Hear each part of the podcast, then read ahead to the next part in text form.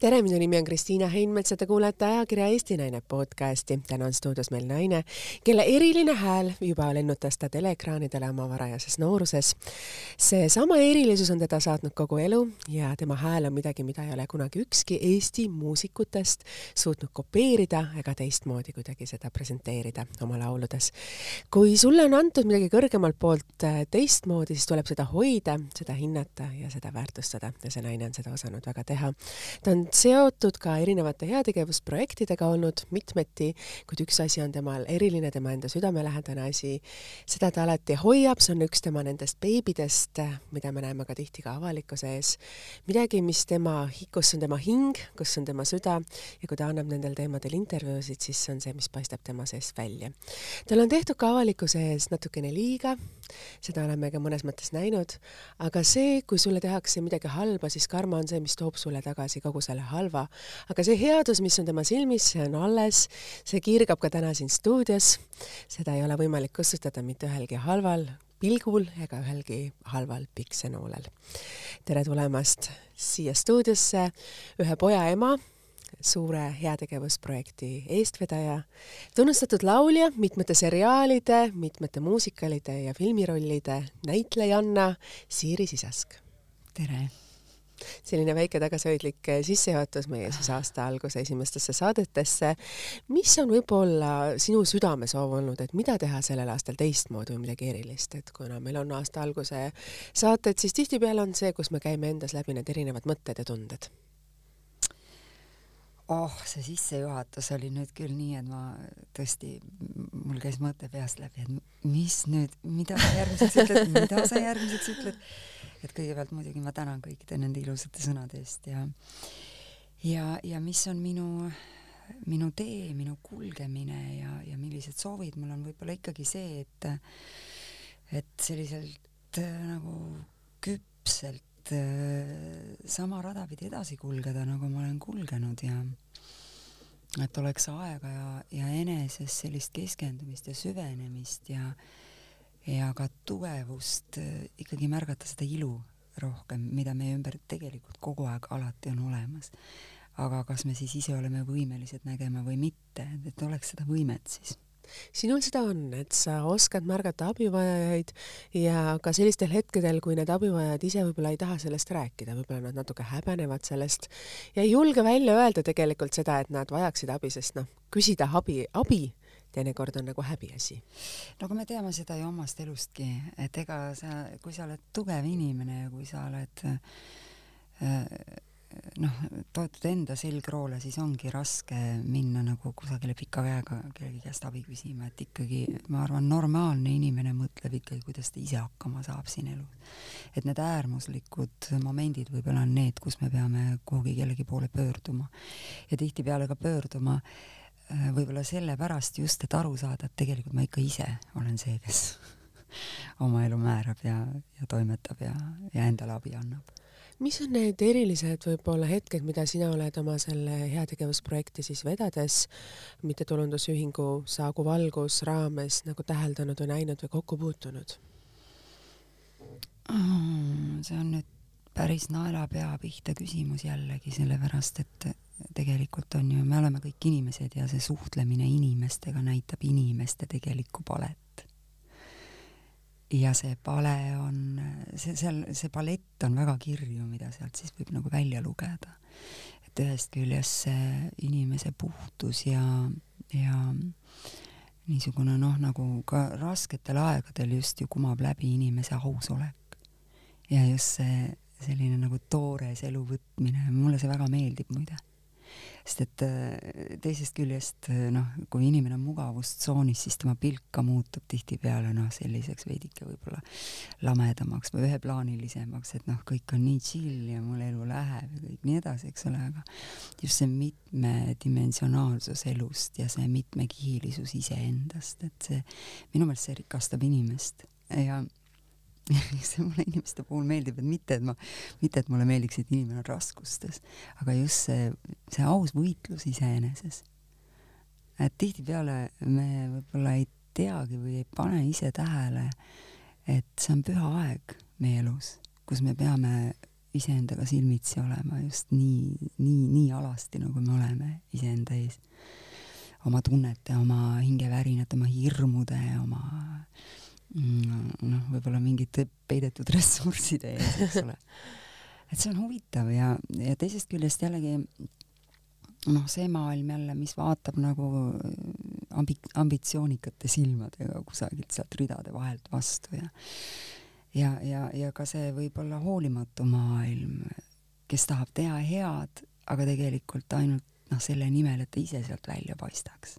see on minu jaoks olnud alati küsimus, et noh, et et nagu või noh, nagu äratõukav võib-olla mingisugune nähe, et mulle on tundunud, et ma ise ei tahaks selline olla ja või isegi ma ise ennast ei võrdlegi võib-olla nii palju, aga aga just see, et noh, et see mida, mida ütles ka, mida kristlik õpetus on ka öelnud, et ähm, et parem käsi ei pea teadma, mida vasak teeb, et selles heas mõttes ma mõtlen just, et noh, sa ei loe neid oma heategusid ise mm -hmm. ja sa, sa ei teagi, et sa oled teinud, sa oled ainult hingest tahtnud seda head. et äh, seda tahaks näha rohkem tegelikult seda ma võin öelda, et kui sa oled teinud elus head ja niimoodi, et sa ei ole seda ise tähele pannud ja kui sul on endal kõige raskemad hetked, siis eh, elu toob needsamad inimesed sulle sinu ellu tagasi ja just selleks, et eh, nendel hetkedel, kui sina oled olnud nende jaoks olemas, on nemad sinu jaoks olemas. ja see on kordades suurem väärtus ja seda olen mina kogenud just viimaste aastate jooksul, et mm. see, et sul on ümber need sõbrad, ja nad on, nad on sinu ümber sellepärast, et nad sind armastavad ja toetavad, et see on tegelikult kõige suurem väärtus, aga see, kui sa oled üksi oma sellises nagu hulluses ja vihas, siis see ei vii kuskile. No jaa, aga samas äh, räägime vihast. viha on üks väga tore asi tegelikult, viha ei ole sugugi mitte halb. Energia, nagu arvatakse, et tohutult on vaja vabaneda vihast. et noh, kui me vaatame, ma, ma ütlen kohe alguses, et ma ei ole kristlane ma ei ole ristitud ja ma ei ole kristlane puhtalt. mul on, ma olen väga religioosne inimene. et ma usun kõrgematesse jõududesse, aga see käib minu jaoks nagu selline kvantfüüsika ja mis on see sinu see uskumus siis või mis, kuhu sa seda kvalifitseerid, on sellel mingi nimi või ta on selline abstraktsus, nagu sa praegu jah, ta on, ta on kuidas siis öelda meil on nii palju usundeid ju. jaa, ma tegelikult, ma olin kahekümne viie aastane kusagil, kui ma hakkasin lugema väga põhjalikult ja uurima budismist. see budism tundus mulle kõige, kõige lähedasem. aga noh, nüüd igasuguse, igasugune selline stoitsism ja, ja, ja äh, kuidas neid nimetatigi tuleb praegu meelde no jah. et sinu jaoks on et oluline iga, igast usundist see nagu see, see ilus essents välja võtta või see, mis on nagu ülene või ülendav, hinge ülendav. et minu jaoks ükski usk ei ole vale. ma ei vastandu mitte kellelegi et ma leian, et noh, et inimese selline kuldne kesktee on kõige tähtsam, aga vaat see kesktee, see küsimus, et kus kuldse keskteena siis üles leiad. ma just tahtsin küsida Aha. siin, et kui sa niimoodi räägid, et sa oled, kuidas öelda, austad kõiki usundeid, et kuidas on see, et millise, kuidas sa oled oma tee kokku pannud, et kuidas sa oled sinnani jõudnud, et see on olnud ju ka paras selline omamoodi teekond ja seda kirjutades on olnud ka seda tindiplekke päris palju vaat, mind huvitab tegelikult, kuidas sina siin neid tindiplekke näed, et mil-, millest sa praegu räägid. aga, aga mida ma enda kohta veel tahan öelda ja püha viha kohta, et noh, Jeesus läks, eks ole, sinna templi ette ja võttis ja lõi jalaga need lauad ja, ja letid ümber ja ütles, et no koristage need siit ära, eks ole, need ei kuulu siia, sellesse kohta, sellesse pühasse ruumi. et aga ta ei teinud kindlasti seda, noh, niisugune šallallaa, nii tore on lill olla, et siin sellise hea toreda naeratuse saatel, et noh, pühime need letid ja lauad ära, tal, temas oli see viha, see õiglustunne, see püha viha. et kui inimese sees on püha viha, vot eestlane ütleb hästi, et ta tuli ukse peale, ta oli püha viha täis aga see püha viha oli aus, see oli hetkel põhjendatud.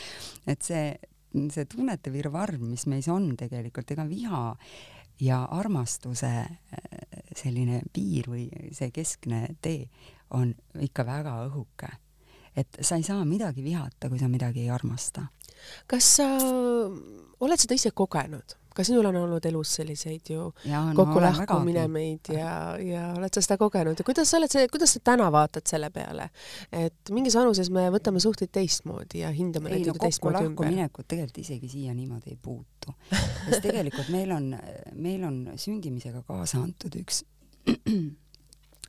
kulgemine ja selline äh, originaal olemine me ei ole kellegi koopiad tegelikult, kuigi meid õpetatakse selleks ja neid mustreid käima ja me oleme, sünnime ühiskonda ja me sünnime inimeste keskele ja meil on noh, meil on maast madalast on peale pandud üks selline maatriks.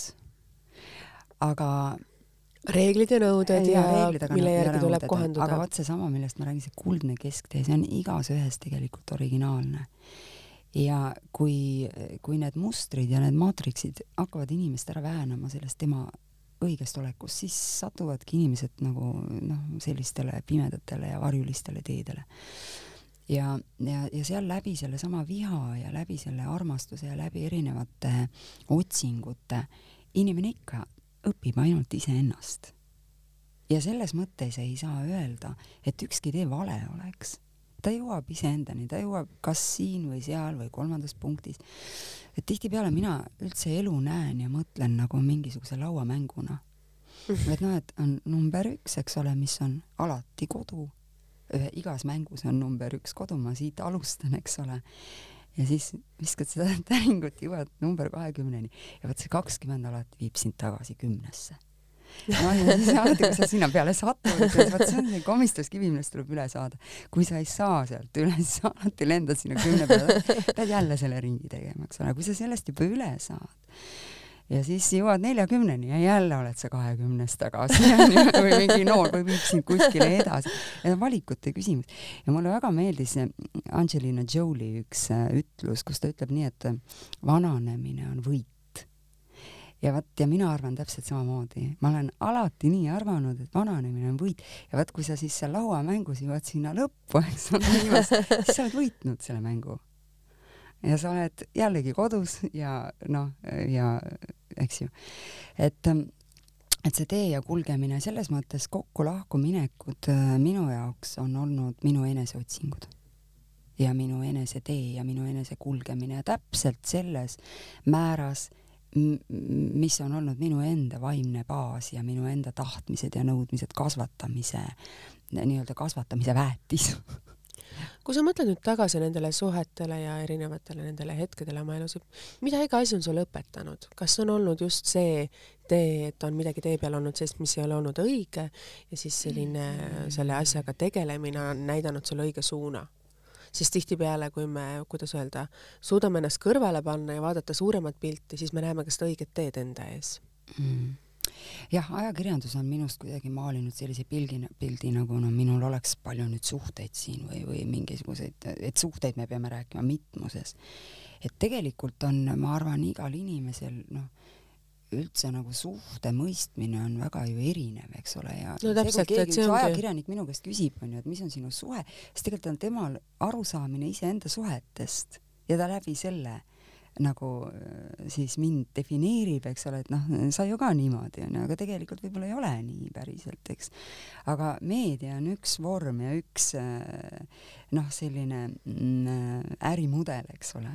kes vormib meid selliseks, nagu neil vaja on. nagu neil vaja on ja, ja selles mõttes ma olengi kaugenenud, et tegelikult ma tunnen, ma ei, ma ei ole see vorm, mida mulle nagu peale surutakse. kui sa ütled, et mulle on tehtud liiga, siis ma ei ütle, et mulle on tehtud liiga. no tehtud sellele minu, kui üldse liiga on tehtud ja kindlasti ongi võib-olla mingil määral ka, eks ole, eks ma olen ju ise ju ka näinud ja, ja neid küsimusi kuulnud, mida mulle esitatud. ja siis nagu hakata labidatega vehkima, et ei, ma see ei ole, ma see ei ole, ma see ei ole, ma see ei ole. noh, kas on nagu sellele mõtet energiat panna, aga siis teisest küljest jälle, kas mul on üldse mõtet energiat panna, et ma üldse sellistele intervjuudele üldse ilmun? et ma tunnen ja tajun ju ära, et seal on nagu see mingisugune mudel, mille järgi nad lähevad ja noh, ma ei ole, mul ei ole mingit huvi. et ma olen nagu viiekümne kolme aastane naine, miks ma pean oma suhteid siin klaarima, eks ole. mis asju on ju. et, et, et meil on, ma arvan veel seda ka, et tegelikult kui võtta inimest nagu mingi kuubina näiteks, siis, äh, siis selles kuubis on kõik erinevad tahud ja meil inimesena, inimestena on kõigil tegelikult samad tahud. me oleme nagu, me oleme tegelikult, mina olen sina ja sina oled mina. sest et meil on vajadused, põhivajadused on samad, eks ole ja, ja, ja sinna ühte kuupi võib mahtuda väga palju erinevaid olemisvorme, aga tegelikult me ju teame kõik, et siin maailmas ei ole midagi uut ja suhteid ja asju ja ootuseid ja igatsusi ja eneseteostusi ja kes kuidas. ja tähtis on ikkagi see, et sul on eneses nii palju distsipliini ja nii palju enese üle sellist nagu korra loomist või korratunnetust, et sa oled võimeline ka iseenda niimoodi kuklast kinni võtma ja nagu kassipoja tõstma sellest leemest välja ja panema kõrvale. et noh, et nagu, et sa ei sa ei pea nendes asjades laagerduma, mida kõike arvatakse, et nagu noh, nii peaks olema, arvatakse just nimelt. sa pead ise teadma, mis on su tee. Sa väga ja... ilusti nagu räägid nagu sellest, aga kui me võtame selle lauamängumudeli, mida sa nii ilusasti tegelikult siin tõid, et me mingil mm hetkel ikkagi kukume tagasi või hakkame jälle otsast peale maailmas nagu nende erinevate käikudega, et sinu ju lapsepõlv oli hoopis hoopis teistmoodi kui see kuvand võib-olla, kui, kui, kui sa ise avalikkuse ette nagu sattusid nende detailidega, et sa sündisid ju maal ja mõnes mõttes selle lauamängu moodi sa oled jälle maal ju tagasi ja kui me ennem rääkisime, siis kui ma esitasin sulle mingisuguse väikse küsimuse, siis ma nägin seda rahulolu, mis sinust tuli, et jaa, ma olen juba maal kakskümmend aastat olnud mm. -hmm. et kas sa tunned täna, et sa oledki nagu kodus, et see võib-olla, kust sa oled pärit, et see ongi nüüd taas sinu osa elust juba, juba väga pikalt? no maal olemine ei tähenda minule ainult kodu või seda ruumi, kus ma elan ja olen. et kui ma maal kasvasin, siis minu lapsepõlv on tõesti olnud erandlik.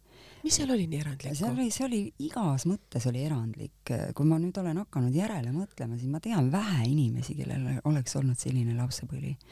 ja ma olen õnnelik selle üle, kuigi ma olen ka olnud kurb selle üle mingid hetked, aga mis seal oli nii see erilist või no,, või mida sa nagu mäletad nagu sellest?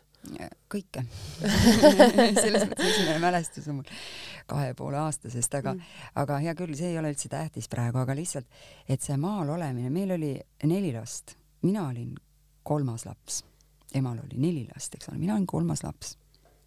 minule tähelepanu eriti nagu ei jätkunud, sest peale mind oli veel väiksem.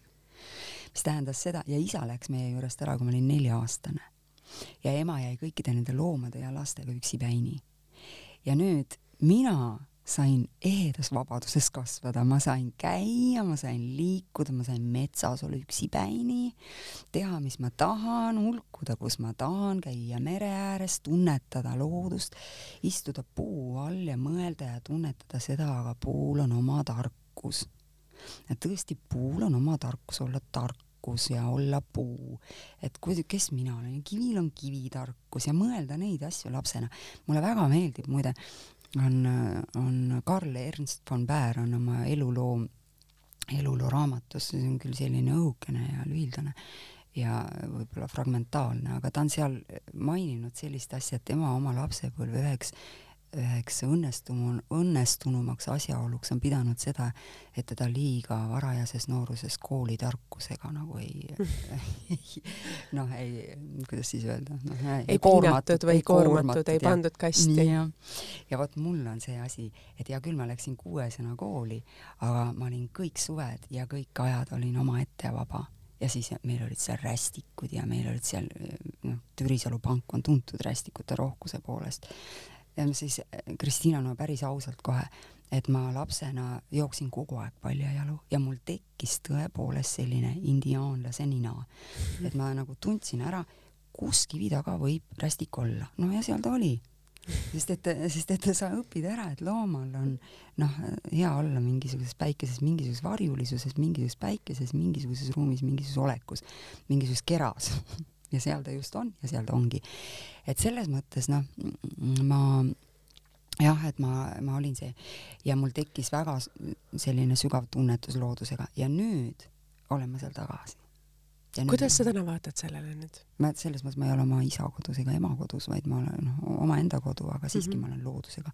kuidas ma sellega vaatan, ma kulgengi loodusega üks-ühele, et ma nagu, ma, ma, ma tajun seda välja seda looduse olemise välja ja see ongi olnud, mille järele ma olen janunenud ja kui ma linnas elasin vahepeal, et mis oli nagu puudu. et jah, ma olen nende juurte juures tagasi kui sa vaatad nüüd oma elule, sa ütlesid, et sa oled oma juurte juures tagasi, et sa tunnetad seda loodust ja seda ümbrust ja seda asja, et mis on võib-olla need hetked, kui sa tunned, et sul on raske või mingid need detailid, et mida sa nagu iseendas sammutad nendest seal olemisest või mis ta, mis on need asjad, jah?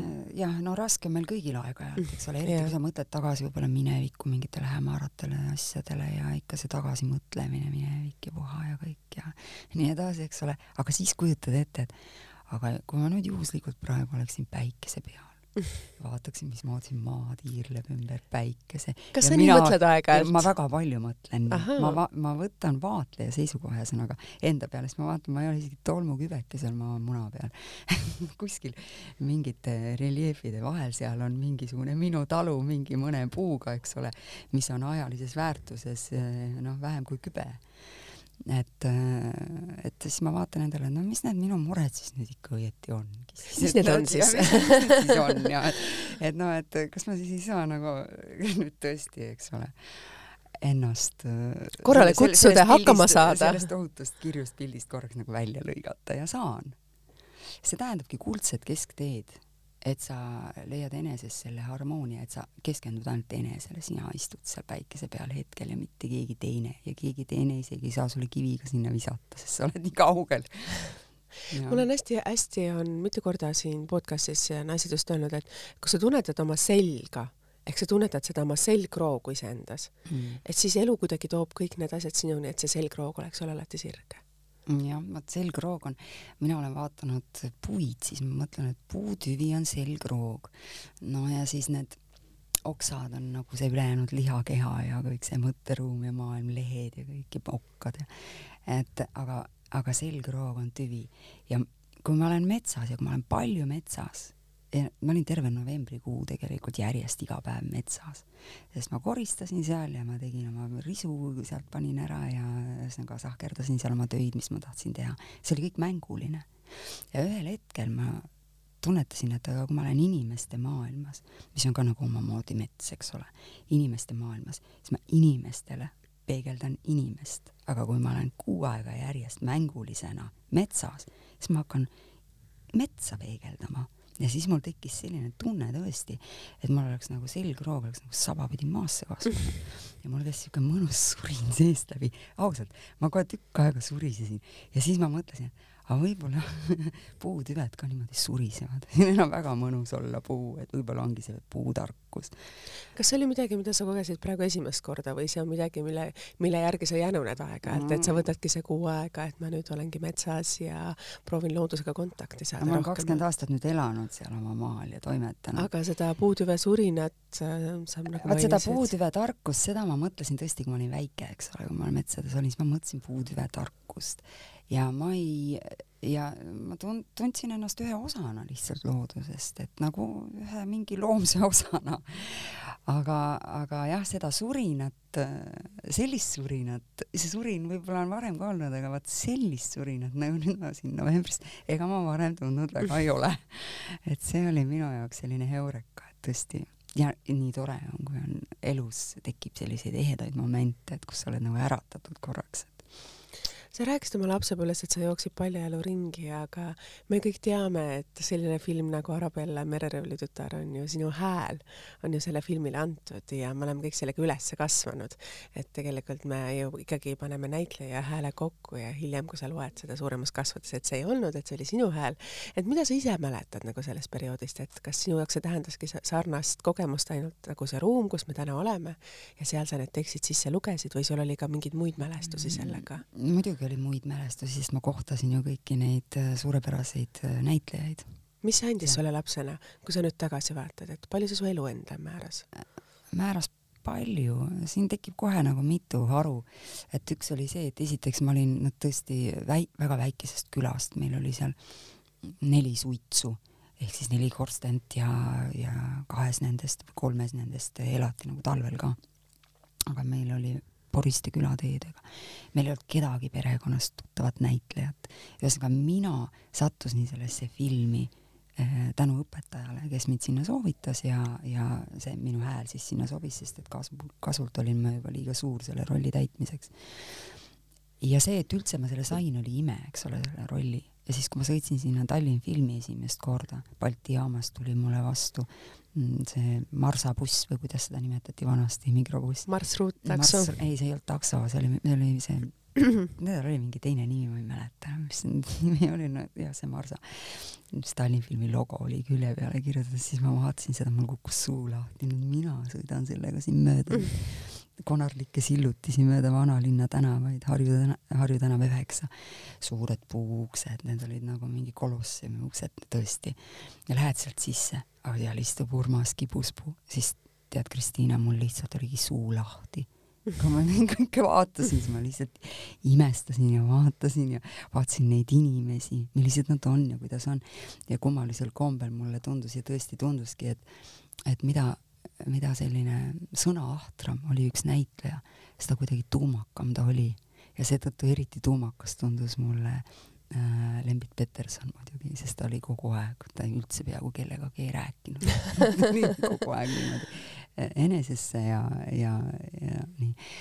aga see on jah huvitav, et ja teine asi, mis ma sellest filmist tahan rääkida ja ma tean, et tegelikult aeg läheb, onju, sul on küsimusi võib-olla teisigi. ma ütlen see... ühte asja, et mu isa, minu ma, ma korra segasin, ei, see saade peab olema täpselt selline, nagu ta meil välja kukub. minu küsimused ei ole olulised, oluline on see, et see vestlus, mis meil siin toimub, see oleks orgaaniline ja midagi, mis oleks teistmoodi, mida me naistena tahaksime omavahel rääkida. siiamaani on see mul õnnestunud. nii, no ühesõnaga isa, isa perekonnanimi oli mul tegelikult Peterson. ja noh, ja siis äh,, aga mina kannan ema perekonnanime mm. -hmm et isa perekonnanimi oli Peterson, nii. Lembit Peterson seda muidugi ei teadnud. ja siis viimane äh, lõik selles filmis, võib-olla sa mäletad, võib-olla mitte, on see, kus Arabella hüüab kõva häälega isa. no vot, ja siis mina hüüdsin seal isa, eks ole. ja ma olen Lembit Petersoni seda hiljem rääkinud. et see oli üks selline koht, seal filmis, kus ma ikka tõsiselt mõtlesin, sest ma oma isa praktiliselt ei kohanudki enam, kui isa meie juurest ära läks. oled sa temaga hiljem kokku saanud?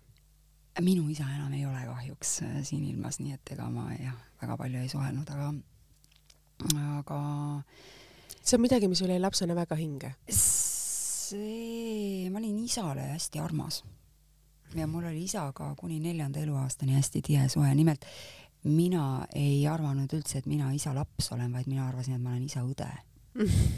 No talle ütlesin mõnikord, et tule, tule õde aitab sind või midagi niimoodi, et hästi soe suhe oli isaga. jah, et tema oli siis Peterson ja teine asi, mis mulle sealt filmist äh, kuidagi motona ellu jäi ja siiamaani, et mõnikord äh, kui midagi juhtub, siis ma, siis mul tuleb see lause meelde oli see, et äh, selle filmi esilinastusel mina ei teadnudki, et seal filmis selline lõik on, aga siis kuidagi see film hakkas nagu särama just selle lause pärast ja kujutad ette, ma olin ju nii väike, noh noor, ma olin kolmeteistaastane või just saamas neliteist. vaatasin seda filmi ja siis on seal selline lause.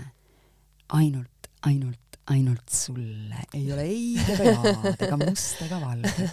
kõik on vaid üks suur miraaž ja see oli sellise meelevaldsusega nagu lausutud seal filmis, et see jäi mulle väga mõttesse, et mida see tähendab. ei ole ei-d ega jaad ega musta ega valget, kõik on üks suur miraaž. ja tegelikult see on jälle see kuldne kesktee, et see on väga budistlik või selline, mm, see on väga sügav mõte. et jah, et vaata kui palju, vaata kui palju sellised lapsepõlves kogetud hetked on midagi, mis kujundavad meid ka täiskasvanuna edasi nojah, et peab olema aega ja lapsele antud rahu mõelda ise ja tunnetada ise. ma arvan, see on üsna, üsna oluline, et inimene kujuneks temaks endaks. üks hästi oluline filmiroll oli ka sinul, äh, kui sa olid noorem, oli Naerat Toometi et seal oli sul kohe päris suurem roll juba ja see, keda sa mängisid, see on kindlasti totaalselt teine tüpaaž, kes oled sina inimesena tegelikult, et mida sa sellest ajastust mängi-, mäletad -hmm. et seal olid ju tol ajastu samamoodi tippnäitlejad ja noortena küll, aga nad on ka kindlasti täna sulle sõpradeks jäänud mm, no enne seda oli mul veel üks teine film, oli Karoliine Hõbelõng, mm -hmm. kus ma mängisin kammernitsit ja see, no seal mängimine tähendas seda, et sada meetrit eemal jooksed, jääd korra seisma ja siis jooksed edasi ja sedagi on hästi kaugelt näidatud, et noh, et, et, et seal mul väga mingit kandvat rolli ei olnud, aga sellegipoolest sain ma seal aimu, mida tähendab filmimine, mida tähendab äh, kogu see filmimaastik nagu just see telgitaguse poole pealt. aga aga naerata ometi äh, ma ei oskagi sellest eriti midagi suurt nagu kõneleda, et, et äh, me olime seal no muidugi ka teatud hüpnoosis selles mõttes, et äh, kui olid need stseenid vähemalt, kus mina kaasa mängisin mm, -hmm. siis mhm. meid nagu vaimselt ikkagi valmistati ette nendeks ja meil tekkis see kamba vaim ja see olek ja see mingisugune selline fluidum, milles me siis olime, et see kokkuhoid, mis on tegelikult seal tunnetatav või selline, äh, mis võiski olla, mis, mis tegelikult võibki olla nendes internaatkoolides, kus sa nagu võitled iseenda eksistentsi eest mm,. jah, jah, et noh, see töötlus, meie selline vaimne töötlus käis nii Leida poolt kui Arvo Iho poolt, et mm, -hmm. et jah, et me olime seal jah, kuidagi sellisesse meeleollu viidud, et kõik need äh, stseenid äh, nii orgaanilisena nagu ka siis mm -hmm. seal mhm. filmilina peal paistavad. sa väga ilusti ütlesid orgaaniline, et mis on sinu orgaaniline teekond? no nüüd, varem ma ei oleks võib-olla osanud selliselt sõnastada, aga nüüd ma võin küll öelda, et noh, teekond läbi väljade või väljade vaheline teekond. et just see, et ei ole ei-d ega ja-d ega mustega valged on vaid üks suur miraž, hästi peen kuldne kesktee minu jaoks. millised need väljad sinu jaoks on, kus sa kulged ja kuidas sa neid ise vaatled või klassifitseerid? no kui on olemas üks väli, siis talle peab kindlasti midagi vastanduma et äh, kui sa oled liiga hea, siis, siis kindlasti kuskilt mingisugune halb varjund hakkab sinu peale kostma. kas siis sellena, et sa hakkad äh, noh, kadedust on maailmas palju, eks ole, ja mida kõike, et ambi-, noh, seal, kus on ambitsioonid ja seal, kus on eneseteostus, seal, kus on konkurents, seal on vaieldamatult ka need negatiivsed mingisugused signaalid äh, õhus aga minu jaoks just see vaimne tervis on olnud kõige tähtsam, et kuidas ma ise arenen endas, kuidas ma ennast rikastan, mida ma loen, äh, mis mulle huvi pakub ja mulle pakub määratult palju asju tegelikult huvi ja ma loen ka palju. ja viimased kümme aastat, kui ma olen nüüd üksi metsas elanud ja mu poeg on ka oma elu peale läinud ja elab täiskasvanud inimese elu, siis viimased kümme aastat oleme väga palju lihtsalt iseendaga tööd teinud, nii füüsiliselt kui, kui vaimselt. ja füüsiline on ka see, et noh, on ju olemas joogad ja igasugused meditatiivsed tegevused, et minu jaoks on olnud jooksmine. et ma olen siis nende väljade vahel, vaimselt olen nende väljade vahelt läbi jooksnud, aga tegelikult füüsiliselt olengi päriselt jooksnud ma olen igasuguseid asju endaga eksperimenteerinud ja, ja mul on, mul on noh, tohutult hea meel tegelikult, et ma olen nende asjade peale ise tulnud. mis on võib-olla nendest eksperimentidest, mida sa mäletad, mis mõjus võib-olla kõige paremini või mis jättis sügava jälje või midagi, mida sa tundsid, et seda ma enam kunagi teha ei taha? ahah see on üks, mul tuleb see on kohe meelde. et absoluutselt kohe tuleb meelde. võin sulle, võin sulle vastata täiesti käsi südamele pannes, et ma olen megahirmu tundnud. ja mille ees? ja see oli ükskord, kui, kui noh, noh, see lugu saab alguse sellest, et, et oli üks augustikuine öö ja ma nägin mingit õudusunenägu ma tõusin üles ja ma tundsin, et mu süda peksab sees nagu meeletult tugevalt ja et noh, et mul on nagu tõesti halb olla ja see, see uni, see oli mingi tagaajamine või võimalik ka, et see oli siis, et ma pidin jälle lavale minema ja mul oli, ma ei teadnud, kus ma minema pean ja ma ei teadnud, mis, kus mu laulu sõnad on, mäletad, mis laulu ma pean laulma, mingi meeletu selline kokkusurutud äh, tunne. Ja ma tõusin üles ja mõtlesin selle peale et nojah oh,, õnneks oli ainult uni ja siis tundsin, et ah, nüüd ma tahaks küll seda õuna hammustada, mis seal õues on puu peal, mul oli suur valge klaar seal, mingi kolm tükki vist oli selle puu peal veel järgi, ilus puhas klaar, meeletult mahlane. ja täpselt nii, nagu ma sealt voodist tõusin, jätsin kõik uksed lahti, läksin mina aeda, võtsin selle õuna, tulin tagasi, seisin terrassi peal, hammustan õuna, kuu oli, täiskuu oli taevas. udu oli langenud maha põllu peal vaatasin seda välja ja korraga olid äh, metssead seal kuskil lähedal, läksid kaklema. ja sa ei kujuta ette, milline kisa see oli. see oli, see oli, see oli, see oli õudne. see oli, see oli noh, ma ei hakka järgi võib-olla tegema, kuigi ma või täitsa ehedalt võiksin seda järgi teha. aga tee. oi jumal. noh. Need on maahääled. teise, teineteise kallal hakkimine ikka tõsine, et ma kujutan ette, seal kihvapidi mindi kokku. ja siis ma seal seisin ja mõtlesin, et püha jumal, mis ma kõik maha magan ma magan ju lihtsalt, kuuvalged ööd olen kõik maha, kuidas ma loomeinimesena sellise hetke maha magan. et ma olen nii õnnelik, et ma seda õuna hammustasin. siis ma läksin tuppa ja mõtlesin, nii, nüüd järgmine kord, kui on täiskuu, lähen ma täiskuuga jooksma kas sa ei karda metsas minna? pime, täiskuu. ma ei julgeks varvast ka välja pista oma toast. mul oleks kõik tuled põleksid majas, sest minul on hirm, on mul no, väga suur pimedus ees. siis meil oli, eks ole, september ja see täiskuine öö oli tormine ja pilved olid kõik rebenenud ja lendasid sealt üle taeva nagu mingid tulised nooled. ja mina oma koerale, mul oli hundikoer ütlesin, et nüüd Roosi, ketsid jalga ja nüüd läheme jooksma. tema vaatas mulle suurte silmadega otsa ja nagu jah, keeras pead ühele küljele ja teisele küljele, et kas ikka tõesti, kas ikka tõesti me läheme jooksma. et nii hea mugav on seal oma mugavussoojust soojust toas olla. me käisime kogu aeg jooksmas mm, -hmm, tegelikult noh, ei olnud, ta nägi, kui ma need oma jooksujalad siit jalga panen, on jooks. panin jalga ja läksime ja jooksime sedasama trajektoori pidi, mida ma siis olin harjunud jooksma või mida me koos jooksime. pimedas? ja pime, no kuuvalgel. noh, jah. vahepeal muidugi kuu oli ka kaetud pilvedega, aga siiski kuuvalgel ja torm oli. ja jooksime kilomeeter sinna külani ja kilomeeter tagasi, eks ole, ja seal see on meie, see oli tavapärane mm. -hmm. et mhm. ma isegi rohkem kunagi ei jooksnud, et sellest mulle täitsa piisas, me iga päev ju seda tegime mm. -hmm. et tuli kas või bussnuge või sadas rahet või mida iganes mm, -hmm. meil oli hernaretked, olid need aeg-ajalt. ühesõnaga, ja me jooksime sinna ja kõik oli tipp-topp ja lapsena ma väga palju käisin pimedas, nii et ma kunagi ei kartnud metsa. ma olin harjunud sellega, kooli minek oli viis kilomeetrit läbi metsa ja läbi avaruste, eks ole talvel ja igatipidi, et ma olin harjunud sellega, ma oma meelest mm -hmm. üldse ei arvanud, et ma võiksin siin midagi karta. noh, aga nüüd, nii kui ma keerasin selja nüüd sellele külale hakkasin tagasi mm -hmm. jooksma, mul, mul tekkis selline meeletu kabuhirm, et mul noh, tänaseni, kui ma selle peale mõtlen, mul tuleb lihtsalt siuke väike värin sisse. ma jooksin nagu tuul üle välja, tead, et Roosi ei saanud mind kättegi, et ma panin sealt sellise itsiga minema ja ma jõudsin koju, ma olin laua taga, köögilaua taga, olin praktiliselt pikali seal köögilaua peal. Roosi jõudis järgi ja ei saanud aru, et mis juhtus. aga mis juhtus? pärast ma tegin eneseanalüüsi, et mis see siis oli.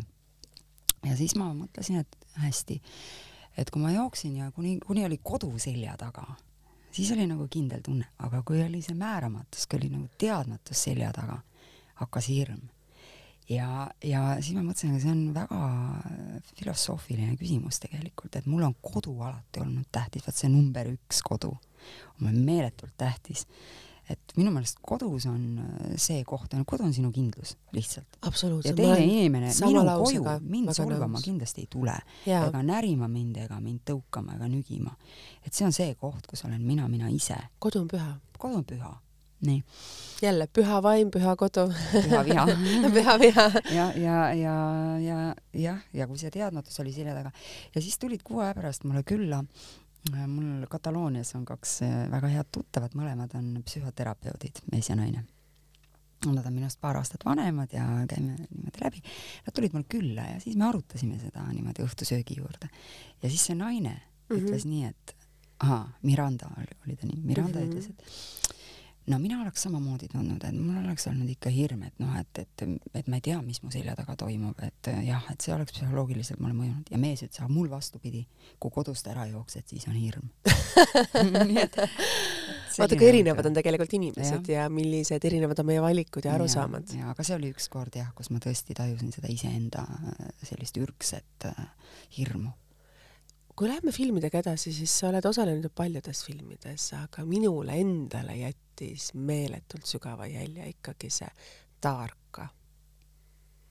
seda vist oli päris raske ka mängida. aga miks ta sulle jättis sügava äh,? kuidagi see äh,, vot nagu sa ütledki seda, et meist luuakse kuvandid, millele me justkui peaksime siis ütleme aktsepteerima neid, et nagu sa ütlesid ka, et ajakirjanikud kvalifitseerivad meid teatud mustritesse ja võib-olla ka minul oli mõnes mõttes ikkagi noh, ilusad kontserdid ja hoopis teistmoodi arusaam nendest. ja kui sa näed seda filmi, kui ehedalt see inimene mängib, see tähendab seda, et tal on mingi kontakt või side või tema elus on olnud midagi sarnast, et ta on kogenud seda mm., seda meeletut võib-olla noh, nagu sa ka täna oled maininud, võib-olla seda meeletut vaesust ja seda äh, võib-olla mitte hakkamasaamist, enda eest võitlemist ja sellist asja, et et seda oli võib-olla seal filmis nagu näha näha seda toores sinu sisemist ausust? Mm,? ja kuidas siis öelda, jah, seda filmi oli väga raske teha, sest esiteks äh, mul käis samal ajal üks Soome projekt. Mm, -hmm. oli, soomlased tegid siin üheksa osalist saatesarja Matkalla Virossa. Mis tähendas, ma olin selle saate juht koos äh, Soome juhiga ja see tähendas seda, et ma lihtsalt väga palju soome keeles pidin mõtlema ja rääkima ja teisest küljest järgmisel hommikul sõida filmivõtetele ja räägi setu keeles, mida mm -hmm. ma ei mhm. tundnud mm. -hmm. ja ma tundsin, et äh, tegelikult selle filmi ettevalmistamiseks oleks olnud mul tarvis vähemalt pool aastat aega mm, -hmm. mida ei olnud, mida mm -hmm. ei mhm. olnud kusagilt võtta. juulis hakkasid võtted, mais tehti mulle ettepanek ja, ja samas olen ma ka ikkagi süveneja ja mul on vastutustunne, et kui ma mängin kedagi, kui ma olen kutsutud sellesse rolli, siis ma tegelikult tahan noh, kindlasti osadust sellest inimesest nagu noh, tõesena, et mis ta oli ja mis ta kavatsused olid ja keegi inimene ju ei taha, noh, ei mõtle, et ta siin maailmas kurja teeb, eks ole, võib-olla välja arvatud võib-olla Hitler, eks ole, või keegi teine, ma ei tea, Stalin kui nad üldse ennast niimoodi kuidagi teadvustasid, aga ma ei usu, et nad seda kunagi sellel ajal võib-olla inimesed ei teadvustanudki niivõrd äh, kõike, aga aga jah, aga see tarka, et noh, et, et kui mina midagi mängin, siis ma vastutan selle eest. ja, ja oligi keeruline, aga, aga ma olen alati olnud selline inimene, kes pigem armastab seda kohaloleku tarkust, et ma lülitan enda tegelikult välja. et ma lülitan enda välja. kuidas ja... sa suudad seda teha?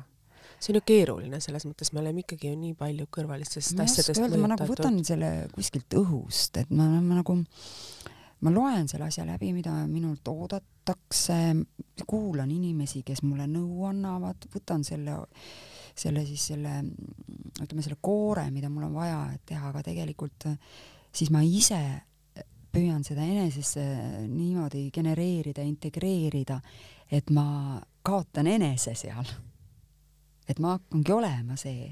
Ja ma arvan, et näitlejal ongi, näitleja töö ongi just see, et sa nagu, et sa ei ole sina ise, vaid sa mängid seda rolli.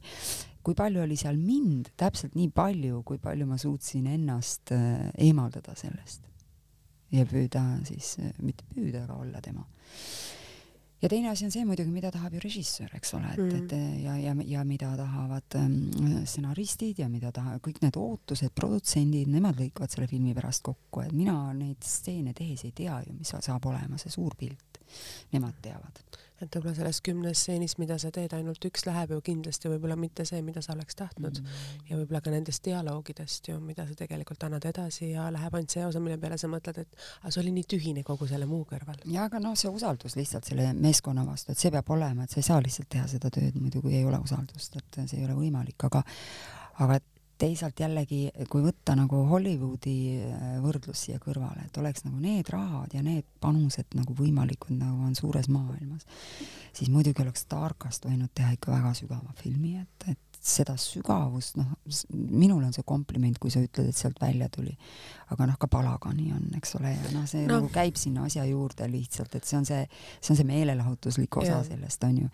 aga aga Tarka elu oli niivõrd, niivõrd mitmekihiline, et noh, sealt oleks saanud tõesti teha superfilmi lihtsalt. maailma tasemel filmi oleks saanud teha. mulle endale jättiski just see sinu sooritus seal väga suure sügava sellise mm. nagu asja, et sa vaatasid, et sellist noh, kui mina tihtipeale vaatan mingeid asju, siis sa lased need rollid ikkagi läbi enda, sa vaatad, kuidas ja mismoodi mängitakse või mismoodi tehakse, teine võib olla ka väga selline negatiivse kuvandiga rollimäng võib jätta sulle sügava mulje, sest just see, kuidas see inimene seda sooritab.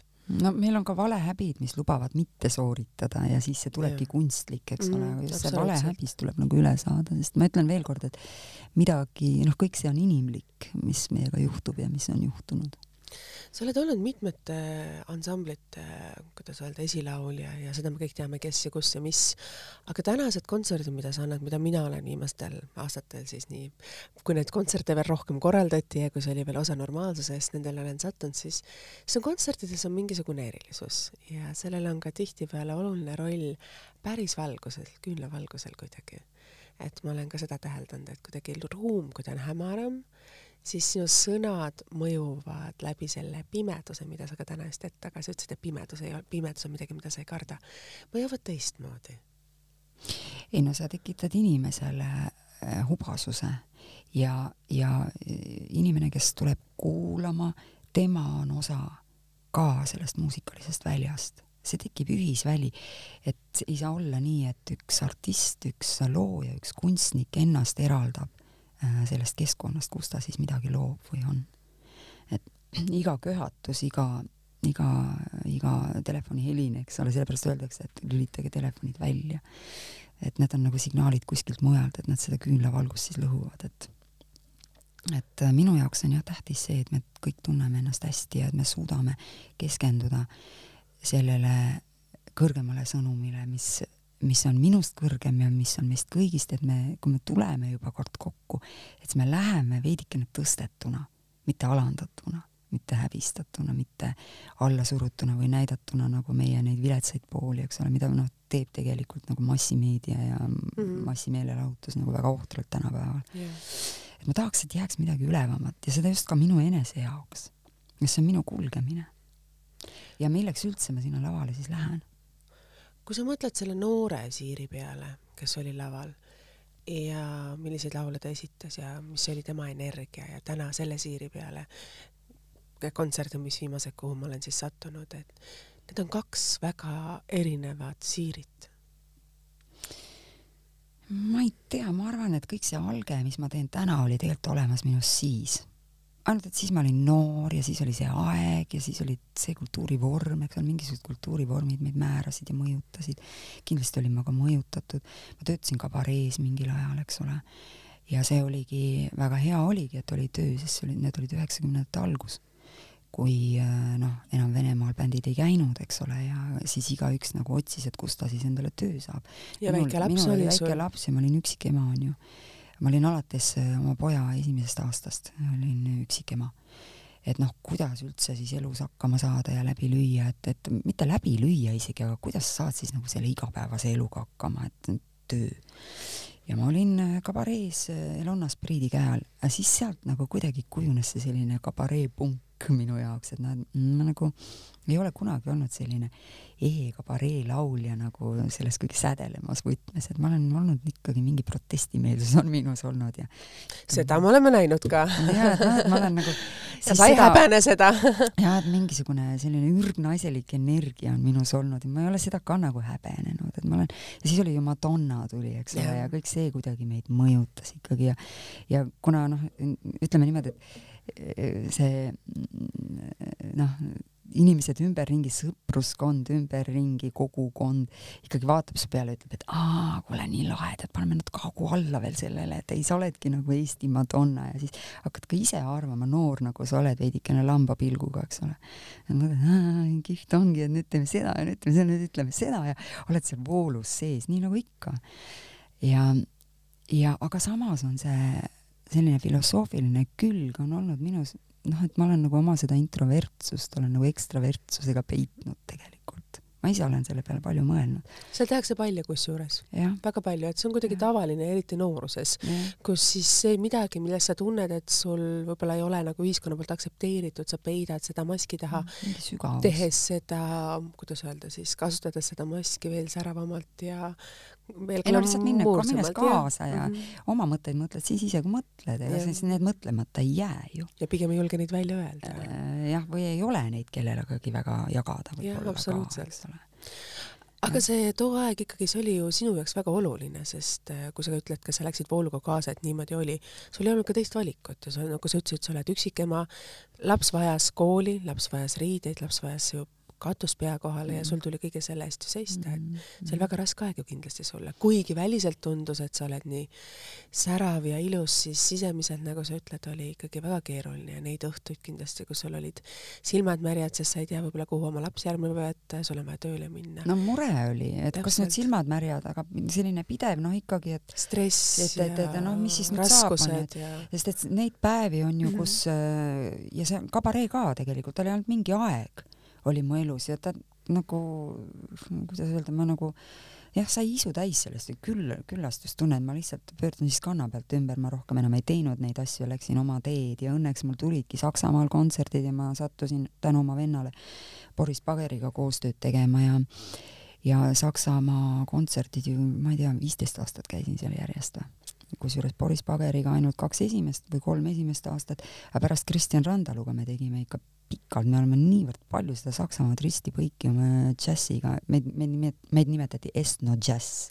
nagu armas. nagu etnoga, et oli Estno. jah, ta oli Estno džäss, et ja no nüüd meil tulevadki ka Eestis siin veel aprillis kontserdid, kakskümmend aastat meie koostööst, Mhm. et äh, no, aprillis siis on ju, mis me siin kasutame kohe võimalust, nii et aprillis kõik kallid kuulajad, Siiril tulevad uued kontserdid, paneme kohe kõrva taha. ei no tõesti, see on huvitav, sest et mul oli ikka väga kihvt bänd seal Saksamaal, et see, mis Kristjan seal kokku pani, oli ikka suurepärane, ma sain sellise tõsise muusikalise kooli, nad olid kõik esiteks minust nooremad ja teiseks nad olid kõik õppinud mingites väga-väga heades ülikoolides ja väga heades äh, muusikalistes ringkondades kulgenud trenditeadlikud maailmatasemel muusikud.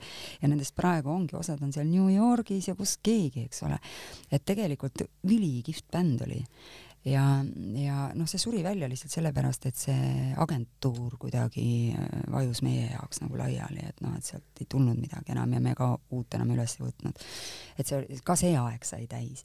aga mis ma tahan öelda, on see, et, et jah, et see mm, selline noh, nagu isikliku elu elamine äh,, mure, soojus äh,, hoolimine, noh, need asjad on olnud minu jaoks ikkagi esiplaanil, mis siis, et ma olen teinud kõike muud ja tihtipeale ongi nii, et, et ütleme, see, mis on esiplaanil, see kodune olukord ja nagu sa ütled, ka suhted, eks ole, et kui suhetes tekib mingisugune pinge, on vaieldamatult kandunud minuga ka lavale. mina ei oska selliseid asju kuidagi peita või olla või noh, et sa ütled küll, et ma olin särav ja et äh, paistsin võib-olla välja, noh, et kõik on nii tore ja kõik nii edasi, eks ole. aga, aga mida muud ma siis noh, kuidas ma siis saan, et laulud iseenesest muutusid ju kogu aeg sügavamaks. mis siis, et ma särav olin, aga laulud muutusid sügavamaks.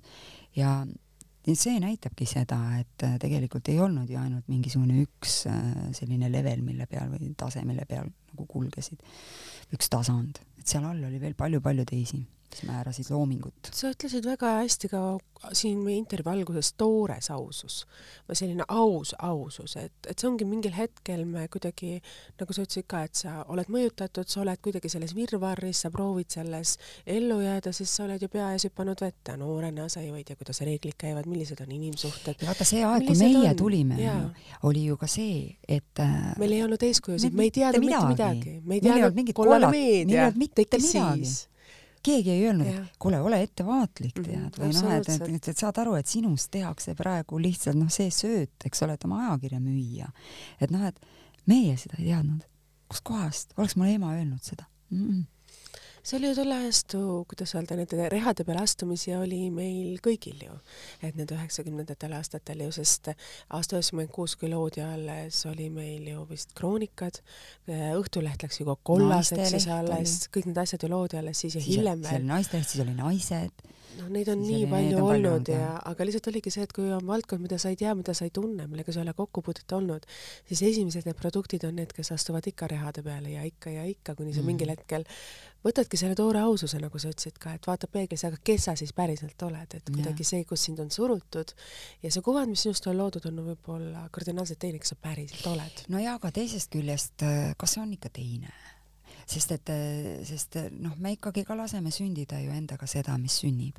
et äh, võiks ju püs- püsti tõusta öelda, et aga tead, siit maalt, eks ole. seda ei ole noorena veel seda julgust, sul ei ole noorena julgust tõusta püsti ja öelda, et ma seda ei taha, ma olen ise olnud olukordades, ei no lihtsalt mina, mina ei ole kunagi, aga sa ikkagi kuidagi su viisakus, et sa oled öelnud jah, see olukord, kus sa oled, on vale ja sa ei julge ei öelda. ei no sa ei eelda lihtsalt, et siit võib tekkida mingi jama. kasutatakse ära, vaata võib-olla see on see nooruse usalduse siirus täpselt, veel. täpselt.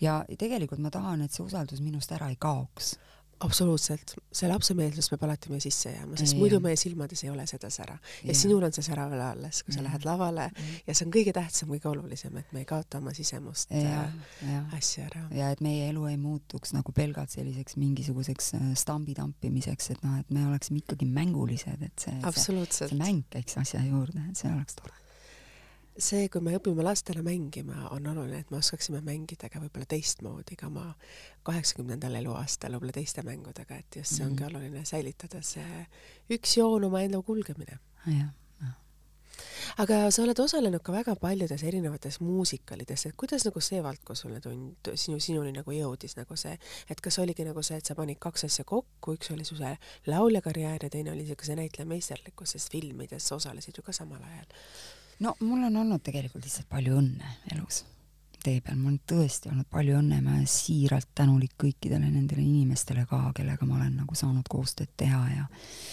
ja, ja kelle produktsioonides kaasa lüüa. et ähm, noh, vaata, ma ei ole õppinud, ma ei, ma ei tunne nootigi tegelikult. ma ei ole mitte midagi õppinud. Ja see ei tähenda seda, et ma ei oleks tahtnud vaid lihtsalt ongi see tee niimoodi kulgenud, et eks ole, sündis laps ja me endaga üksi ja juba oli laulja tee oli mul juba paika pandud alates viieteistkümnendast eluaastast, ma teenisin oma raha juba. Ja filmid, asjad, eks ole, et noh, asi oli läinud lihtsalt käima minu jaoks ja nüüd oli nagu elukool. Ja, ja need äh, iga, iga asi, mida ma tegin, järjest muudkui õpetas mind, eriti nagu ma ütlesin, Saksamaa, eks ole. aga aga, aga, aga see, et ma sattusin muusikalidesse, täpselt sõltus sellest, et keegi tegi pakkumise, keegi nägi ja arvas, et ma sinna sobin. ma läksin ja proovisin ja, ja andsin enda parima ja sobiski. aga julgus on ka see, mis peab sees olema, sest paljud inimesed võib-olla kardavad, et sul tehakse pakkumine ja see ebaõnnestumise hirm on meis ka palju ju no jaa, aga, aga ma juba kolmeaastaselt kuidagi tajusin seda, et ma tahan lauljaks saada ja et muusika ah, või näitleja on minu tee. et ma isegi ei ole kunagi ette kujutanud, et ma midagi muud teen. välja arvatud veel see, et, et kui ma noh, selline ütleme algklasside laps olin, siis mul oli mingi harras äh, imetlus oli äh, tühjade kaustikute vastu, ma mäletan, et ma käisin poes neid vaatamas, imetlemas, sest mulle tundus, et noh, et seal on nagu kõik see uus, mis on võimalik, on sinna juba kuidagi, on seal olemas. ja siis ma ei teadnud, mis see uus on ja mulle tundus, et noh, seal võib nagu imemaailmasid võib nagu kirjutada ise kokku ja imemaailmu luua. et ähm, et äh, jah, no ühesõnaga, et, et mulle tegelikult meeldib kirjutada ka. Seda on sinu jutus näha, kui äh, tegelikult, kui kirjeldavalt ja kui ilusti maaliliselt sa oskad nagu rääkida nende sõnade ja asjadega või oma elusündmustest, et äh, see on omamoodi oskus, et me võime rääkida lihtlausetega, aga siin neid üht sõna kirjeldades äh, läbi erinevate kogemuste või sündmuste, see on omamoodi oskus jah, palju on mind nüüd viimasel kümnel aastal muidugi mõjutanud ka Uku Masing, et ma olen teda miks väga tema? palju lugenud. miks tema, no miks või kuidas Uku Masing leidis siis teekonna sinu ellu, sinu kulgemisse? täiesti juhuslikult, see oli üks kevadine päev, kui ma läksin oma tuttavatele külla et äh, vanad sõbrad ja üks neist oli bioloog ja tema elukaaslane, modell. ja nendel oli seda rohelust oli toas väga palju, et igal pool olid mingid lopsakad tutid ja satsid ja ma ei tea, mis seal kõik olid nagu rippumas.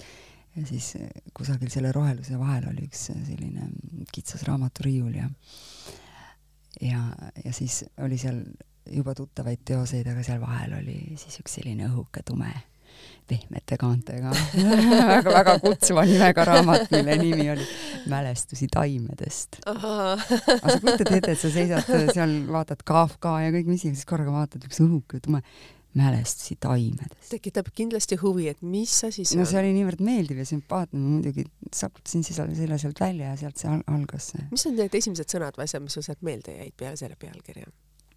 Mis ta muutis sind, et sa, sinust tekkis see vajadus, et veel ja veel ja veel? no näiteks äh, minu meelest oligi seal raamatus kohe paaril esimesel leheküljel oli üks lõik, mitte päris esimesel leheküljel, võib-olla teisel, võib-olla kolmandal oli üks lõik, äh, kus äh, Uku Masing ütleb nii, et et väärt tarkus ei ole mitte see, et sa tead, et maa ümber päikese tiirleb, vaid sa tunnetad. Kas ma võin selle panna podcast'i pealkirjaks? ma ei tea, võib-olla neid pealkirju tekib meil veel, aga, sest see on Uku Masingu pea, sõnastus, eks ole, see ei ole minu sõnastus. aga see on sinu sõnastusest väga ilusasti öeldud kuidagi. jah, ma mõtle... seda sõnastust tõesti ei mäleta, aga, aga, aga, aga vot see nagu pani mõtlema ja, ja, ja tegelikult kogu see raamat on meeletult ilus, et ma soovitaksin igaühele, et see oli võti Uku Masingu äh, sellise äh, tunnetuslikku maastikku, mida ta siis on läbi erinevate, kõikide oma teoste tegelikult väljendanud. seal on üks asi, mis on see meeletu hellus, et noh, et ka see äh, toored sõnavõtud, sellised äh, võib-olla rämedakoelised mm. kohati ja noh, üdini ausad ja samas, samas see meeletu hellus, mis sealt tagant kuidagi paistab, et vot sealt hakkasin ma ka seda tajuma ja kahetsust tundma, kuidas ma oma last kasvatasin tegelikult. sest Uku ühes kohas ütleb ka nii, et et ja siis need, siis need inimesed, kes seal siis olid ühe saare peal, siis nad hakkasid oma lapsi vedama läbi orgude ja lastel olid rõngad keelde aetud. ja siis ma mõtlesin, et aga, et kuidas minule rõngad keelde aeti ja kas mina ajasin oma lapsele rõngad keelde ja siis tõmbasin läbi oru enda järel, eks ole, sedasama mustrit tampides talle sisse, mida me peame selle heaoluühiskonna nagu vägevaks selliseks maatriksiks, et kas ma olen oma lapsele seda sisendanud. ja siis ma nägin, et jah, et ma olen, et ma olen noh, kõiki neid samu asju, mida me igapäevaselt teeme, mis on nagu nii tavaline ja mida me ütleme, ah, see pole midagi. Tegelikult on, tegelikult need asjad määravad väga palju, kas või väike kärkimine valel kohal, kus tegelikult oleks hoopis vaja soojust ja hellust ja kuulamist ja natukene filosoofilist sellist lähenemist, et äh, need küsimused kuidagi teistmoodi inimlikul kombel. noh, mis sa, mida sa, mida sa kärgid seal selle pulstunud väikse pisikese kukla taga nüüd, no mida sa kärgid seal. teisel on alles unesuled, eks ole, kuklas. et noh, jah, ma hakkasin ennast nägema sellise ka ikkagi küllaltki äh, robustse astujana. ja, ja sealt hakkas selline korralik hingepesu ikkagi kas sa mõtled ja täna sinu juttu kuulates, kas sa nagu ühtid selle ar sellise arvamusega, et meil kõigil on mõnes mõttes ette määratud oma tee ja elu ise paneb meid nendesse olukordadesse või kuidagi meid juhi, juhi, juhindutakse sinna, et me teeme need valikud. et ma olen endal ka olnud, et kuhu ma olen sattunud või mida ma olen teinud, mitte see, et ma ise tahan, vaid kuidagi teis, läbi teiste inimeste ja siis sina oled, sina osutud kuidagi välja valituks ja teised mitte, kas või ju see rollil, roll, kus siis sina tegelikult väga lihtsast perest sattusid siia suurde, kõige glamuursemasse, kõikide inimeste unistuste põhimõtteliselt keskkonda juba väikse lapsena ja sulle tegelikult need uksed avanesid millest sa unistasid? eks see, eks see ole see tähendusrikas juhus või see mingi X-faktor, eks ole, et seda võib öelda küll, et see on kuhugi kedrusesse juba võib-olla põlvkondi tagasi sisse kirjutatud, et just nii peab minema. aga jah, ega ma ei oskagi rohkem midagi öelda, et noh, saatus, et ma ikkagi arvan, et inimene peab siin elus ka natuke üle oma saatuse olema, et kui hakkab teadlik teadlikud valikud, et noh, kuni, kuni on, kuni ei ole ise teadvustanud, et ja kuni ongi see, et noh, et sa nagu sõltud sellest ümbruskonnast väga palju ja teistest inimestest ja et see on nagu iga asi, kus sa näed, et noh, et sa saad edasi kulgemiseks natukene kellegi konksu kasutada, eks ole, aga kuni, kui sa tõmbad, tõmbad ainult enesesse, siis tegelikult minu, minu jaoks hakkab sealt nagu õnnemaastik. Et seda on keeruline on seda seletada ja keeruline on seda saavutada ka aga tõesti, ma ütlen praegu ka, et igal inimesel, kellel on võib-olla praegu mingi mure või mingisugune probleem või mingisugune sügav selline noh mm,, sügav püha aeg, et siis noh, mõelda selle peale, et nagu Jeesus, eks ole, oli nelikümmend päeva kõrbes ja kandis selle väärikusega ära. et see ei ole niisama jutt tegelikult et me peame selle püha aja, lihtsalt see pannakse meie väärikus proovile, aga see tähendab distsipliini, see tähendab tead, tead, tead, teadvustatud tööd iseendaga. ja vot sinna siis kuuluvad need raamatud ja kõik need valikud ja asjad, eks ole. et ja, ja selles mõttes me oleme ikkagi oma saatuse sepad ka. et see on ka valik ja võib-olla ongi nii, et see on määratud, et mulle see selgus äkki tekib ühel hetkel, et ma tean, et noh, taha enam endisel viisil ja et ma tahan ainult endaks saada, ma ei taha olla kellegi koopia, ma ei taha olla kellegi teise laevas loksuda, eks ole, niikaua kuni teise meelevald on hoida mind siin laevas. ma tahan ise olla, tahan ise teada ja teha ise oma teed käia, isegi kui ma olen täiesti üksi. ja kui sa oled siis see üksi ja kui sa oled, käid iseenda teed ja julged ka oma ma nagu õigustaksin praegu ennast, sest et seda juttu ma räägin ju mina. aga mul on ka, uskuge, mul on ka olnud nagu väga sügavaid otsinguid ja, ja enesepelgamisi ka. ja, ja võrdlusi ennast versus maailm, eks ole, et kuidas teised on, kuidas mina olen, miks mina olen selline, aga me, me ei saa elada teiste inimeste elus, ela, elu, me ei saa elada teiste inimeste peades see on äärmiselt rumal inimene, kes elab teiste inimeste peades ja võrdleb oma tegemisi pidevalt teiste inimeste tegemistega. on vaja leida enda kurss. ja siis sa leiad selle tugevuse, siis sa leiad selle enda selgroo ja, ja siis hakkavad hoopis see maailm hakkab avanema nagu mingisugune teistsugune lill su jaoks. sa hakkad teistmoodi lõhnasid tunnetama ja kuidas see kõik läheb lahti, et loodus hakkab sinu sees nagu õitsele. see on väga ilus. see on väga ilus, mida sa rääkisid aga meil on kahjuks aeg nii kaugel, et me peame selle tunnikese, mis meil on täna veninud juba praktiliselt tund aega ja kümme minutit kokku tõmbama. ma arvan, et me võiksime siin vestelda ja filosofeerida nendel teemadel veel lõpmatuseni.